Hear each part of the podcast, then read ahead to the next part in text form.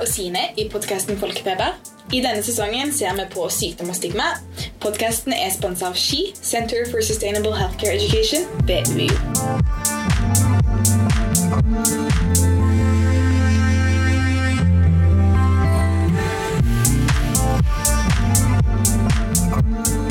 Hei og hjertelig velkommen til en ny episode av Folkepeber. I dag er det jeg, Sine, som sitter her, og Amanda har med oss. Hallo. Yes. Og i dag er vi så heldige å ha med oss Siv Irene Nyborg. Hjertelig velkommen til deg. Tusen takk. Du er altså gründer av startebedriften Styrkefabrikken. Du er trener og erfaringskonsulent innenfor psykisk helse. Og så driver du med en del kurs og foredrag. Eh, vi fant deg etter at du har uttalt deg i media en del de siste månedene om tannhelse, og jeg vet at du har en ganske sterk historie med tanke på det. Eh, så jeg lurte på om du har lyst til å bare fortelle hvorfor ble du så opptatt av tann tannhelse? Ja, det har jeg jo alltid for så vidt vært. For det har vært stor, et stort tema i livet mitt eh, fra jeg var veldig liten. Eh, og det tror jeg alle har et forhold til også. Og noen av oss har nok et mer negativt forhold til det enn andre. Eh, og for min del så handler det litt om at jeg har en, kommer fra en veldig tøff oppvekst som innebar en del eh, traumatiske opplevelser. Eh, med både rus inne i bildet, vold og seksuelle overgrep.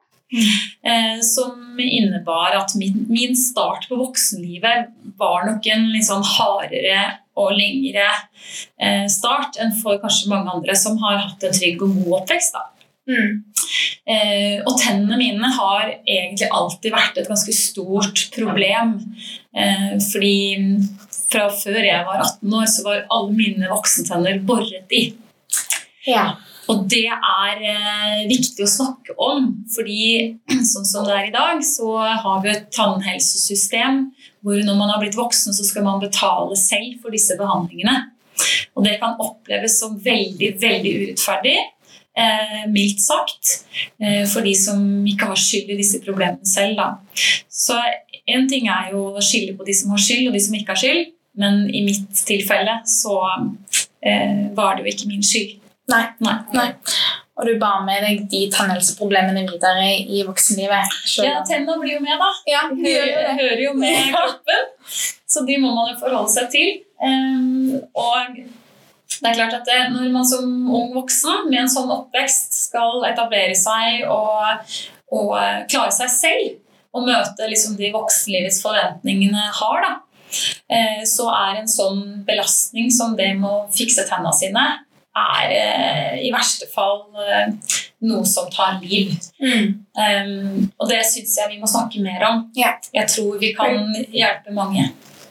Men Kan du fortelle litt mer om hva slags tanker du har hatt, og hva slags type tannbehandlinger du har måttet trenge og kanskje fortsatt trenger? Ja, um, det starta jo tidlig eh, med mye hull i tennene som barn. Og nå, jeg, nå blir jeg 40 år til neste år. Så det betyr jo at det, den tannhelsetjenesten som var da jeg var liten, den, eh, den, har jo blitt bedre med åra. Selvfølgelig, men i, på den tida så var det nok mer vanlig å bore opp hullet, altså ganske stort, og fylle med plomber, amalgam, da, eh, som jeg fikk på den tida.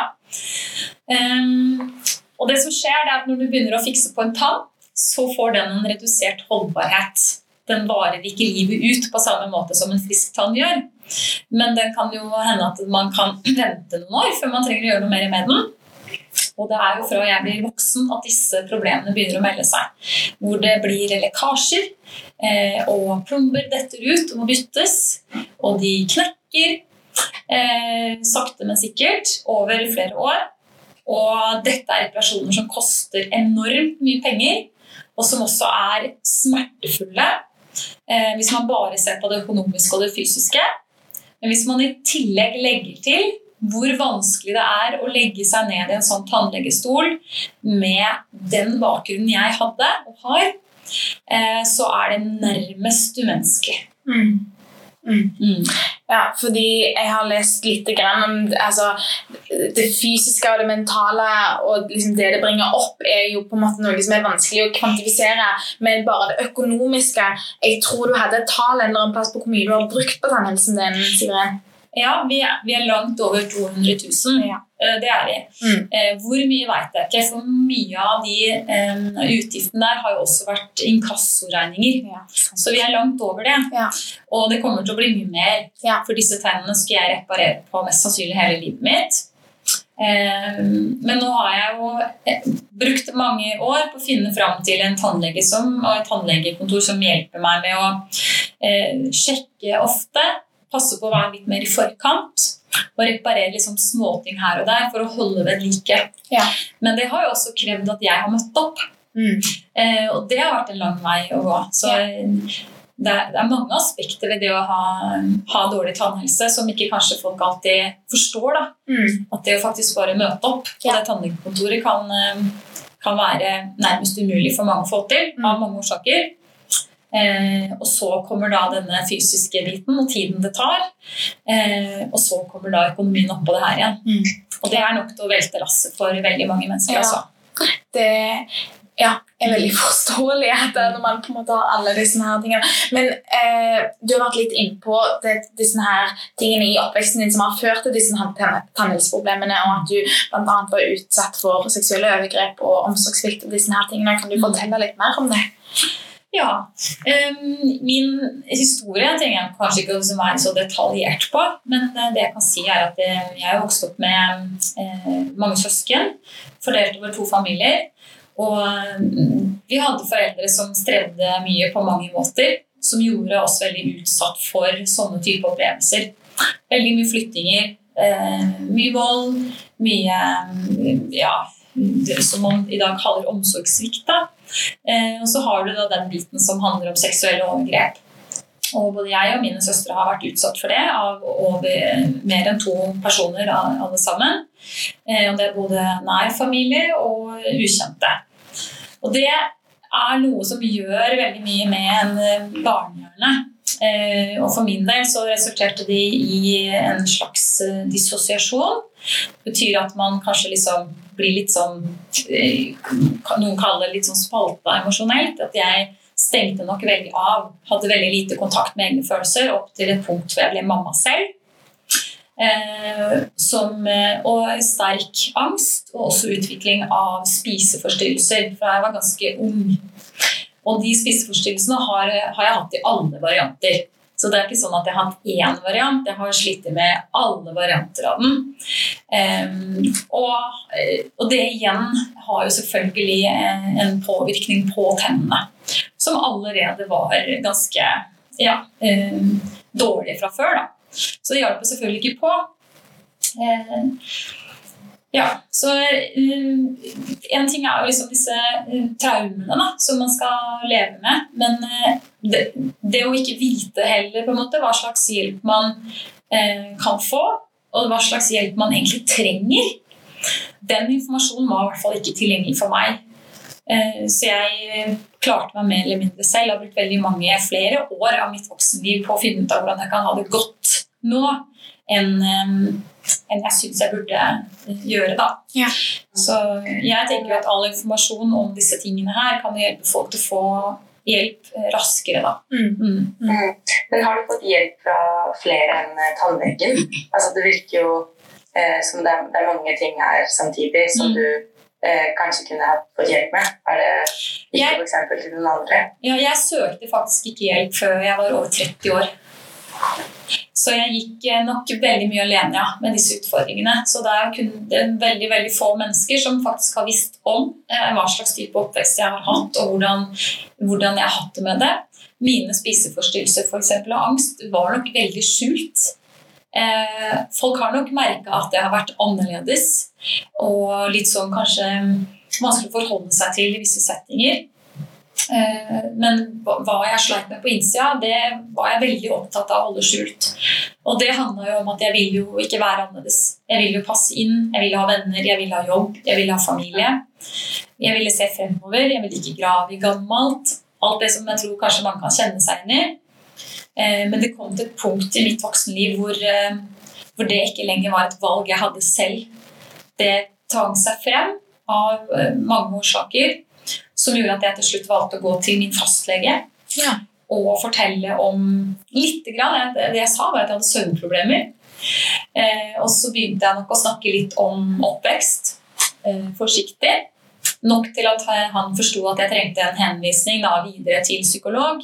Eh, og fra første gangen jeg gikk til min fastlege, og jeg satt inne på det psykologkontoret for første gang, så tror jeg det gikk nærmest to år. To år? Og det, du fikk psykolog? eh, ja, om flere årsaker til det. Eh, jeg fikk eh, Jeg også turte nok ikke helt å gå med en gang. Brukte litt tid på å bestemme meg for å gjøre det. Og når jeg først eh, gikk, så hadde jeg noen opplevelser med de to første jeg møtte, som, som ikke jeg eh, syntes var så ok. Og opplevde at det var dette ikke var noe for meg. Jeg fikk egentlig en følelse av at dette her er jo ikke bra. Når jeg til slutt da kommer inn på et kontor til en person, en psykolog som faktisk hadde kompetanse innenfor barndomstraumer, altså utviklingstraumer, eh, som egentlig var helt tilfeldig at det havna hos, det var først da jeg, eh, jeg følte at det begynte å, å hjelpe. Da. Ja. Mm. Og det tenker jeg er en sånn prosess som det der, at man skal gå alene og ha det så trøblete så lenge, det, det gjør at folk kan bli veldig syke. Mm. Og når du da bruker så lang tid på å tørre å be om hjelp, noe som jeg tror er ganske vanlig, Absolutt. og man blir møtt med ventelister, eh, og sykemelding kanskje også, altså hjem, gå hjem, vær alene, Mm. eh, og så venter du på at noen skal hjelpe deg, altså behandle deg, eh, jeg syns ikke det er godt nok, da. Nei. Eh, jeg opplever et stort hull i systemet Mm. som jeg nå brenner for å forsøke å bidra til å dekke med det jeg kan, da. Mm. Ja. Og det, Ble du fulgt opp av fastlegen mens du ventet på psykolog? Um, det er jo på, i så fall på eget initiativ, ja. Ja. Mm. Fastleger har jo nok å gjøre. absolutt. Ja. Og det å ha gjentatte konsultasjoner er noe som absolutt burde være til stede, men som man likevel kanskje ikke alltid blir eh, tilrettelagt for. Eh, jeg synes, Siveren, Du nevner mye viktig her, både dette her med at eh, tannhelse, altså det å ha dårlig tannhelse det kan ofte være en konsekvens av at det er en del ganske mange bakenforliggende årsaker til det, og, og dette her at um, helsesammensatt. Sånn, så når du da har hatt en nedsatt tannhelse, så er det kanskje også veldig mange andre ting også som har blitt påvirket av de samme bakenforliggende årsakene. Og så blir det på en måte et helt sånn spekter av uh, helseutfordringer. Vi kunne gått inn på alle de, men kanskje du forteller litt om de største problemene som du føler du har møtt på pga. tannhelsen din? Ja, det kan jeg godt gjøre. Og jeg brenner jo litt for å sette det litt mer på agendaen, nettopp fordi jeg selv har opplevd hvor vanskelig det har vært å faktisk snakke om det. For jeg har hatt store utfordringer med mine tenner, og det har gått langt utover det fysiske. Eh, og jeg tror nok at det som pressa det litt fram for min del, var jo at på et tidspunkt i livet så bestemte jeg meg for at jeg ønsket å bygge meg selv opp igjen. Eh, Jeg tenkte at eh, det er jo ikke for seint å starte på nytt på en måte med det. Bygge et fundament. Og når man ønsker å komme seg litt på beina og etablere seg liksom i livet hvor man skal få det bra, så må man jo begynne å ta tak i en del ting. Eh, og én ting er at man kan gå til psykolog, eller man kan høre på podcaster, eller man kan lese bøker. og Man kan sette seg en sånn faglig da, hva er det som har foregått, og man kan melde seg inn i støttegrupper. Det er mye man kan gjøre. Men så er det visse ting som på en måte ikke er, samfunnet er så tilrettelagt for å fikse opp i. Og tenner er jo en stor, er store greier der. Um, så når jeg da skal begynne å reparere på meg selv, så er jo tennene også noe jeg trenger å ta tak i og reparere på. Og kanskje noe av det jeg syns var mest fortvilende og frustrerende å ta tak i, så var det nettopp det her. Fordi når jeg begynte å reparere på disse tennene mine, så begynte de regningene å komme inn. Og de var så store og vanskelig for meg å håndtere. Og så har vi jo da et system som gjør at hvis du ikke klarer å betale unna regningene dine, så går det til inkasso. Og på et eller annet tidspunkt så har du har bare de pengene du har. Eh, og når det er tomt, og du må begynne å betale på nødvendige reparasjoner f.eks. av tenner, som er relativt akutt når det oppstår store problemer der, så har du ikke noe valg. Og det er regninger som kommer på veldig mange tusen kroner, oppå alt annet som man kanskje heller ikke har så god råd til. Da. Så man må liksom huske at det er todelte her. De som får de største regningene på tennene sine som voksen, det er de som strever mest. Det er ikke nødvendigvis de som har hatt det godt, og sant, som går til tannlegen en gang i året og får et hull i ny og ne, kanskje. Ok, nå må jeg kutte litt på husstrikkinga mi, eller alt det der. Det er ikke det store problemet. Store problemet ligger i når du har sykdommer i tennene, du har konsekvenser av eh, medisinbruk f.eks. Eh, genetikk viser det seg jo, spyttenzymene dine har mye å si. Og hvis du i tillegg ikke har hatt godt tannstell gjennom hele barndommen din, så er det ikke så mye å få gjort med det seinere. Uansett hvor flink jeg er til å pusse tennene nå, så blir det aldri bedre. Det blir, det blir bare verre. Så det, det, å liksom skulle prøve å reparere tennene sine som voksen, da, og så kommer disse regningene, det blir som å trekke et teppe under beina på et menneske som prøver å stable livet sitt opp igjen. Eh, og det er der jeg tror vi mister mange mennesker. Mm. Jeg vet om tilfeller hvor, hvor, jeg tror det har vært utløsende årsak til at folk har gitt opp livet sitt. rett og slett. Ja. Det blir for mye å håndtere alene. Mm. Mm. Men hvordan snakket du om det med, med venner? Altså, da du, da du, hvis jeg forstår deg rett, så det tok jo en stund før du oppsøkte hjelp, og så var du, du nevnte du var opptatt av å skjule mm. eh, at du hadde det vanskelig. Men hvis, hvis venner spurte hvorfor du hadde tannproblemer eller sånne mm. ting. Hva svarte du da? Det, det, det spørsmålet har jeg aldri fått noen gang. Det, eh, nei, aldri fått. Jeg har aldri fortalt folk om det. Og jeg har nok vært heldig fordi fortennene mine har vært ganske fine. Eh, så det er ikke synlig på meg at jeg har store problemer. Og det jo, er jo altså, mest av alt eh, flaks. Og jeg tenker jo med ømt hjerte på alle de menneskene som ikke hadde like flaks med fortennene sine som jeg har hatt hvor det er mer synlig på, som kanskje opplever dette stigmaet i en mye større grad enn det jeg har gjort. Eh, jeg har valgt selv å snakke om det. Og jeg har også venner som aldri har hørt meg si noe om det, som de siste årene har fått seg noen overraskelser her og der. Og det skjønner jeg kan være litt sånn rart, men for meg har det vært vanskelig å, å snakke om. Og derfor syns jeg det er viktig å gjøre det. da. Mm. Mm. Er det noen spesiell eller liksom, hva, gjorde, hva var det som trykket deg til å begynne å prate om disse tingene? Um, jeg ble på et annet tidspunkt for noen år tilbake veldig, uh, fikk, fikk, et stort problem med ryggen min som gjorde at jeg ble ute av spill over flere måneder. Jeg ble sengeliggende og måtte ha hjelp fra sykehus for å liksom komme meg på beina igjen. Og det var på en måte liksom veiskille for meg. Eh, hvor jeg følte at jeg hadde muligheten for å ta et annet valg i livet mitt enn det jeg hadde liksom bare gått for fram til da. Og det hadde nok ligget inne ganske lenge om at jeg ønsket å gjøre et, eh, et veiskifte.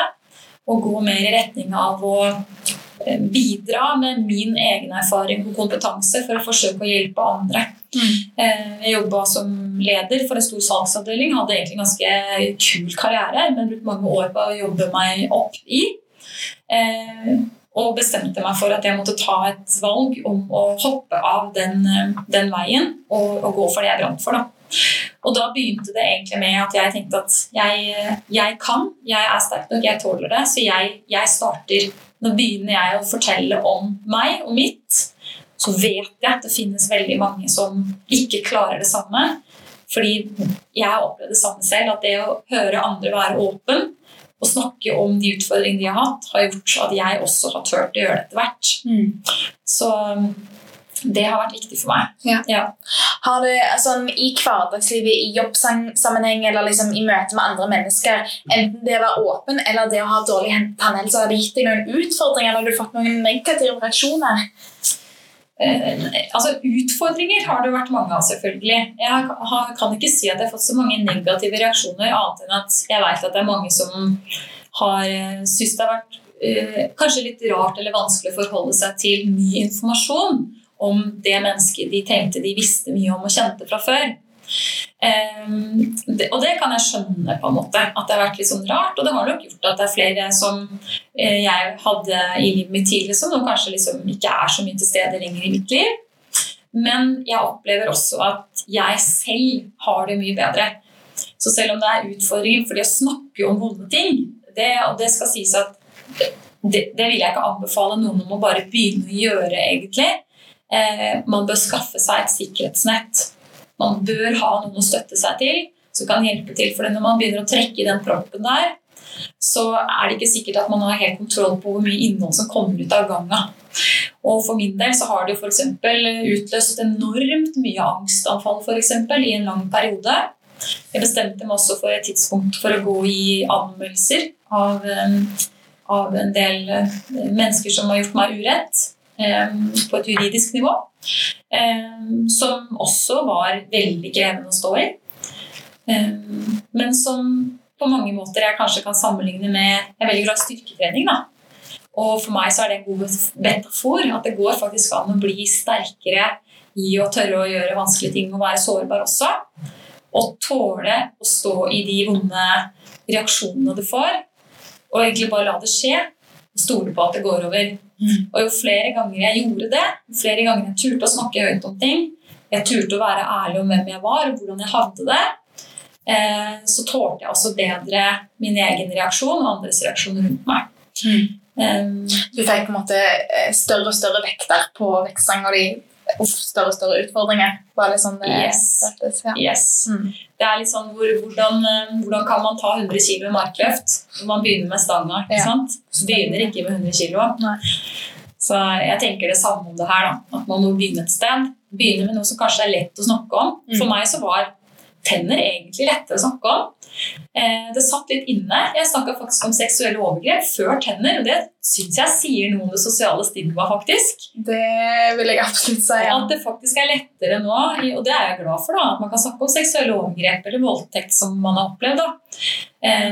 Og oppleve at folk ikke lenger syns det er ubehagelig eller ikke vet hva de skal si. eller at du ikke blir trodd. Og så, det føler jeg er stor endring på. Mm. Men når det kommer til tannhelse, der vet folk veldig lite fortsatt. Ja.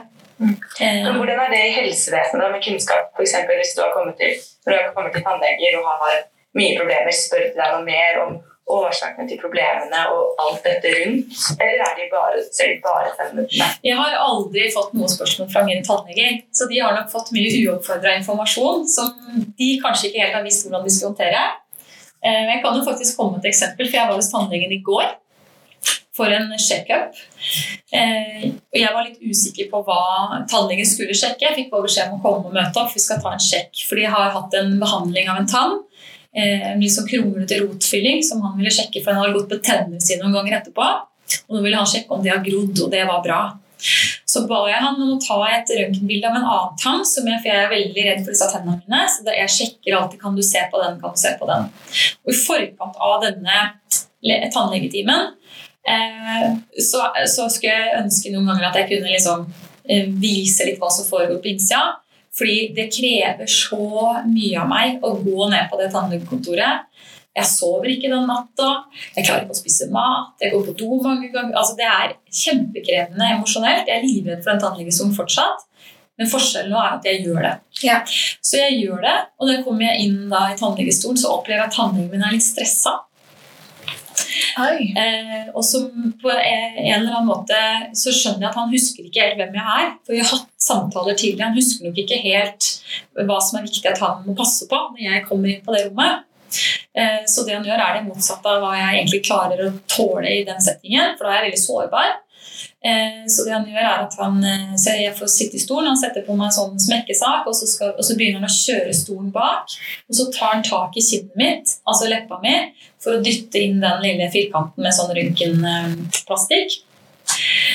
Og det kan man ikke gjøre med meg. Så det resulterte i et ganske umiddelbart panikkanfall i den stolen, og han fikk ganske sjokk. Eh, hvor jeg sa liksom rett ut du må, du må roe deg ned. Du kan ikke stresse. Da, da går ikke det her. Eh, så fikk jeg to minutter på meg. Vi roa meg ned. Han var nok mer stressa enn meg i den situasjonen der. Godt gammeldags lite angstanfall. Eh, ikke farlig, går over. Men det er ikke alltid jeg klarer å hindre at de kommer i den situasjonen. Eh, så det gikk fint. Jeg sa du må bare gjøre det litt roligere. Så, så han tok røntgenbilde av meg mens tårene rant hos begge to. Så det var en litt sånn artig situasjon. da. Det er heftig. Men det krever jo det i den situasjonen at du eh, har klart å komme deg på eller sånn, du, du, vet hvordan du skal takle disse angstanfallene, og hvordan du skal takle tannlegen hvis mm. tannlegen ikke på en måte oppfører seg helt sånn som en kanskje bør, i hvert fall hvis man mm. vet noe om historien din. Og så sier du at ennå nå Du har sikkert vært på ganske mange tannlegetimer eh, i løpet av de siste årene. høres det ut som At det ennå er sånn at du ikke får sove natten før. Eh, hvordan kom du deg til tannlegen første gang? Når Um, det det veit jeg ikke. Eh, jeg, jo, altså det jeg kan si er at De gangene jeg har vært hos tannlegen, så har det vært eh, akutt. De første gangene var det det. Veldig akutt. Eh, så hvis det er noen som kjenner til eh, det å ha eksempel en akutt eh, tannrotbetennelse, eller at det går på en måte i rota Tannverk er altså så sterk smerte at du har ikke noe valg. Du mister kontroll på kroppen. Altså, det er helt ekstreme smerter. Og det er grunnen til at vi har tannlegevakt. Det er for at det skal kunne være noen å hjelpe folk i den situasjonen umiddelbart. Og jeg har jo også vokst opp og sett folk trekke sin egen tann i en sånn situasjon. Fordi de ikke fikk hjelp på tannlegevakta fordi de var svartelista pga. ubetalte regninger. Å, hallo. Eh, Så jeg har jo ikke noen god opplevelse med disse tannlegevaktene. Men eh, for min del så ble det eh, viktig å ja, gjøre noe med. Og da var det å bare komme seg inn, og da var det en drøm å få den sprøyta med, med bedøvelse, for da roer smerten Ja. seg. Og det var på en måte det verste i de settingene. Men det å komme på oppfølging, Ja. og at de skulle på en måte se hvordan det så ut, og hvordan det var stelt med mine tenner, det hadde jeg så sterk skam knytta opp til at det var nærmest umulig å gjøre. Men jeg visste at jeg måtte, og jeg ville reparere meg selv. Og jeg visste at tennene var en stor del av det her. Så det var liksom museskritt. da. Tørre å gå, og, og ikke minst skaffe seg noen gode løsninger økonomisk. Eh, For disse akutte situasjonene for meg, det var jo det som ble utslagsgivende for de store inkassoregningene jeg fikk etter hvert også. Som gjorde at de tok bilen min, de tok strømmen min etter hvert. Jeg klarte ikke å holde det unna. Det blei for mye. Ja. Men eh, jeg brukte mange år på å bygge det, det opp igjen, betale den gjelden og komme meg på plass. Eh, og har vært heldig å møte flinke folk som har støtta meg, og, og finne noen gode løsninger underveis. Og det er ikke alle forunt. Og litt sånn som du sier i stad, at, det, at det er avhengig av meg om hva slags type oppfølging jeg skal få i den tannlegestolen, det syns jeg ikke er greit. Nei. Jeg tenker jo at det er trist at det er sånn at, eh, at vi har ett sted å gå til alle sammen, uavhengig av bakgrunn. Så tenker jeg at det burde finnes eh, bedre ordninger for de som har de utfordringene som jeg har hatt. da. Mm. For det finnes ingen ordninger for deg i det hele tatt på det økonomiske planet med Eh, Jo da, det, det fins det. Ja. Det fins en ordning, TOO-ordningen kalles den for. Jeg, sånn, jeg har ikke noe detaljert eh, informasjon rundt det. Jeg syns det er vanskelig å forstå hvordan det fungerer. Men det skal være støtteordninger som man kan søke midler fra Nav for å få dekt eh, utgifter til tennene sine. Men Når det er sagt, så får du på en måte ikke du, du får mye mindre enn du tror. Og jeg har flere eksempler på folk jeg kjenner som har forsøkt seg på ordningen.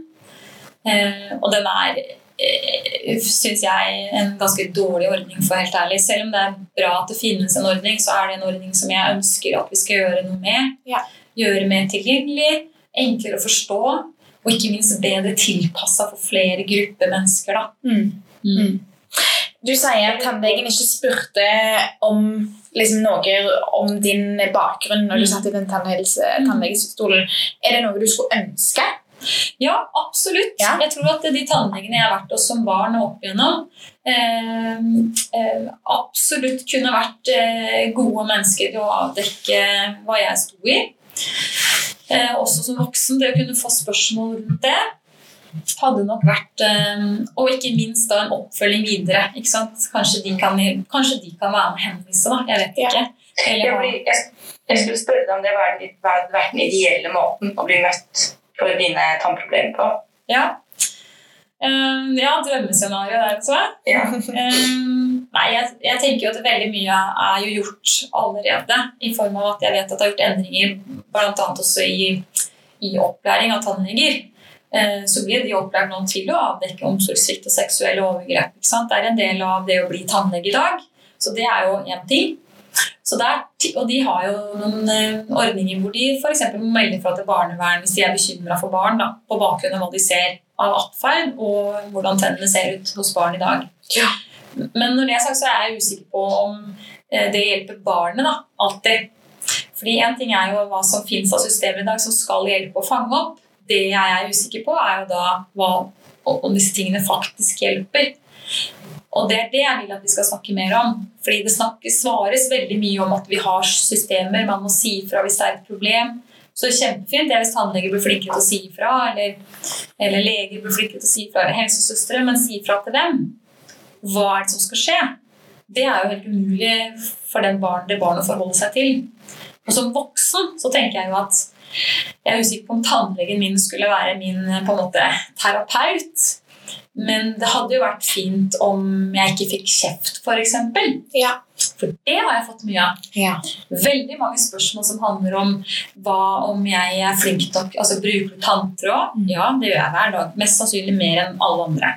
Eh, spiser du mye godteri og brus? Ikke noe mer enn andre. Ok. Eh, kanskje det er, det er liksom stigmatisering fra tannlegen også. Ja. Um, og jeg opplever også at når de ser inn i munnen min, så ser de jo at det er gjort veldig mye arbeid over lang tid på en veldig ung kropp. Um, så jeg, vet ikke, liksom. Jeg hadde kanskje satt pris på om det kunne blitt anerkjent på en måte. Da. Mm. For det er ikke noe jeg har gjort med vilje. Jeg vet også at det er tannleger som, eh, som ikke vil ha en for eksempel rusmisbrukere fordi de syns det er ubehagelig å ha i stolen sin. Ja. Og sånne ting syns jeg er eh, fælt å høre om. da. Ja. Mm. Veldig. Ja, for nå er du liksom litt inne på dette her med stigmatisering og det å ha dårlig hendelse Føler du at du sier det at du blir møtt med liksom litt sånn stigmatiserende spørsmål eller litt sånn spørsmål knyttet til skam når du har gått til tannlegen? Ja. Er det noe du tror mange som har dårlig hendelse møter? Ja.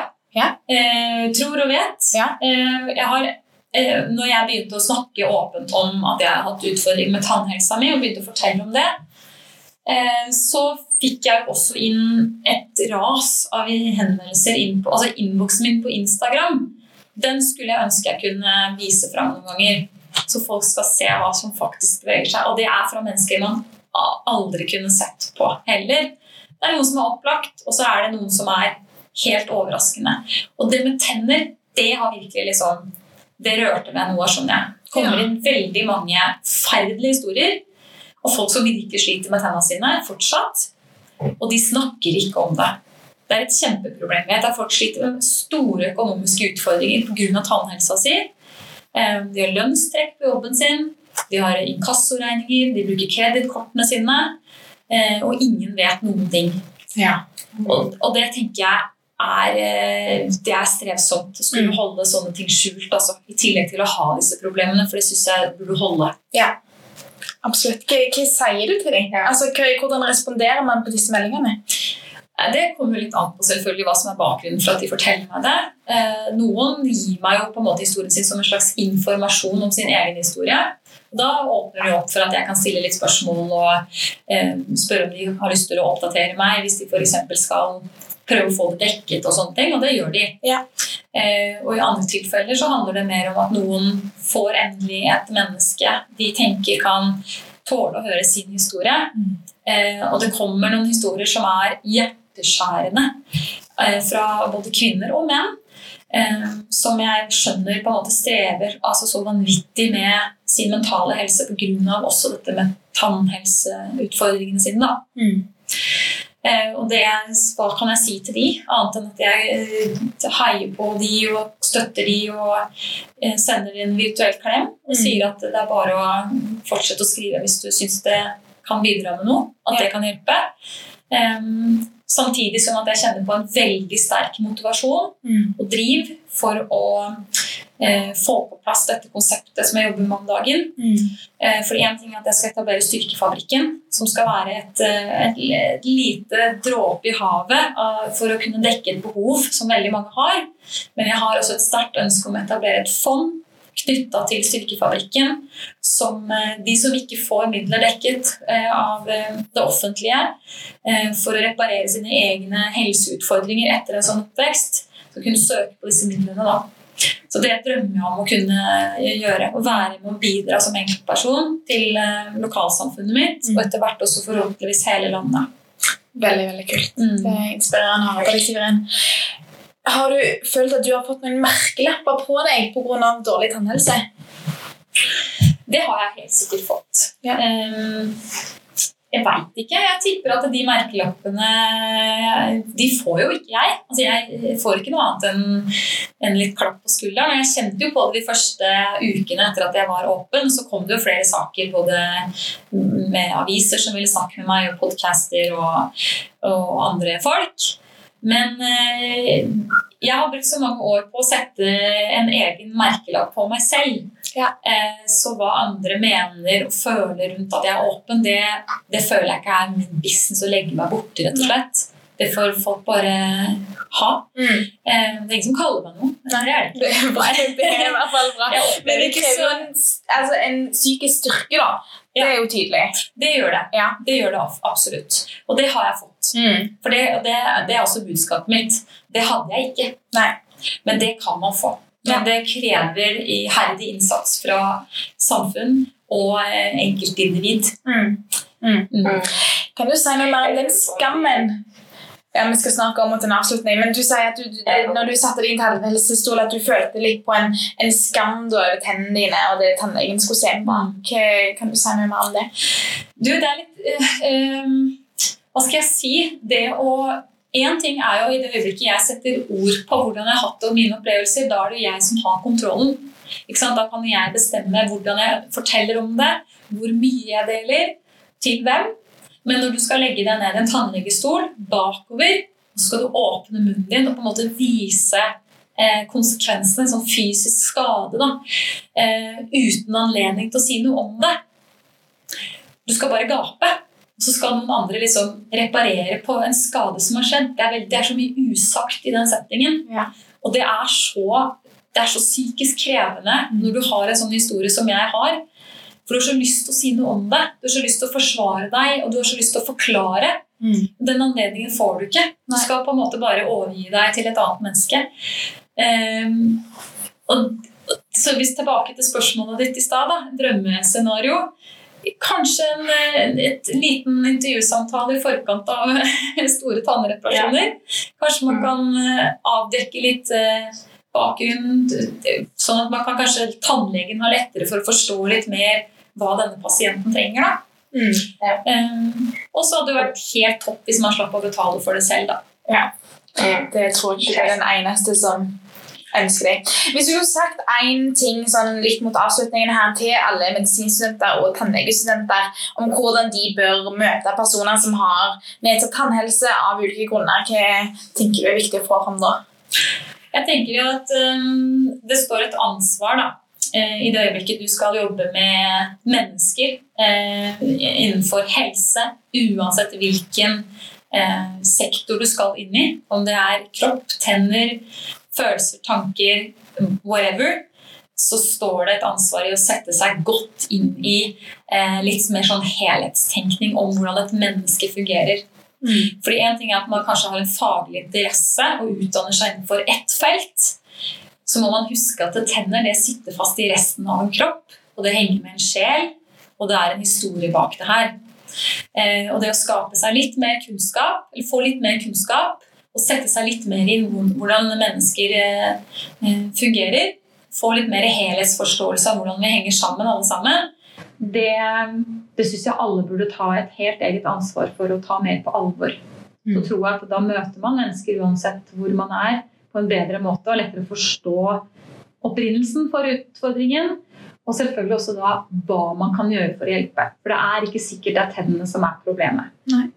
Mm. Her er det mye viktig vi må ta med oss. Veldig. Og helt til slutt så, så vil vi gjerne stille spørsmålet som vi stiller til alle som er med på Folkefeber. Nemlig hva ønsker du at lytterne skal sitte igjen med etter denne samtalen med deg? Um, ansvar. Eh, jeg ønsker at eh, alle skal ta mer ansvar Ja. For fellesskapet vårt. Vi har en tendens til å sette det bort til myndigheter og eksperter og behandlere.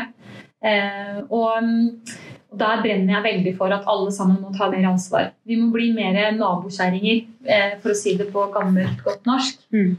Vi må bry oss mer om hverandre og om oss sjøl, og tørre å ta mer ansvar for de rundt oss og seg selv. Eh, det er det jeg ønsker. Mm. Veldig, veldig bra. Tusen takk, Siveren, for at du ville komme. Det har vært sykt spennende å høre på deg, og veldig veldig mange viktige betraktninger. Og ja, en helhetsforståelse da, av hva tannhelse er, og, og andre problemer knytta til det. Um, ja, så takk for at du så villig deler, og at du er en så viktig stemme innenfor dette med tannhelse. Det har vært veldig spennende. Tusen takk for at du inviterte meg. Det var veldig fint.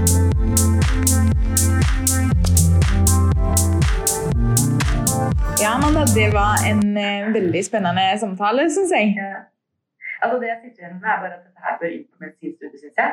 Eh, på, først, på modul 1 helt i starten så er tannleger og medisinstudenter sammen. i hvert fall de som begynner høstskolen. Og dette er et så godt eksempel på hvordan tannhelse og eh, helsen hos fastlegen og psykisk helse, alt dette henger sammen.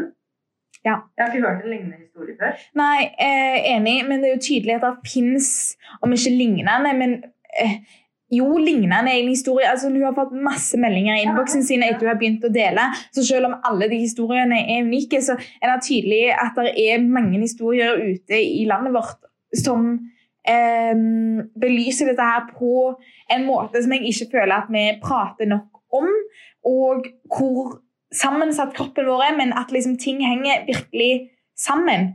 Eh, tennene våre henger sammen med resten av kroppen og psyken. og altså, eh, Alt i sammen henger sammen. Og, nå var det mye sammen, men, men det er derfor vi trenger samfunnsmedisin. Eh, fordi at det er så viktig å kunne se på mennesket som helhet, og som menneske som et individ i et samfunn som også påvirker den enkeltes helse og vår felles folkehelse. Eh, det syns jeg Siv Iren illustrerte på en sykt bra måte. Og så er det eh, har im- gode eksempler fra helsevesenet, sånn som da de stilte en spørsmål som ble sånn shaming nesten. Hvor det var sånn ja. Hvor puster du tennene dine? Spiser du godteri? Og jeg, jeg kan jo kjenne meg igjen i, i noen av de altså sånn, Hver gang når jeg går til tannlegen og spørsmål om jeg bruker tanntråd, og svaret på det dessverre er nei, eh, det burde jeg sikkert. Jeg kjenner jeg får litt sånn det. Sånn som I vår anamnese da, medisin så spør du f.eks. røyker du, Ja. eh, drikker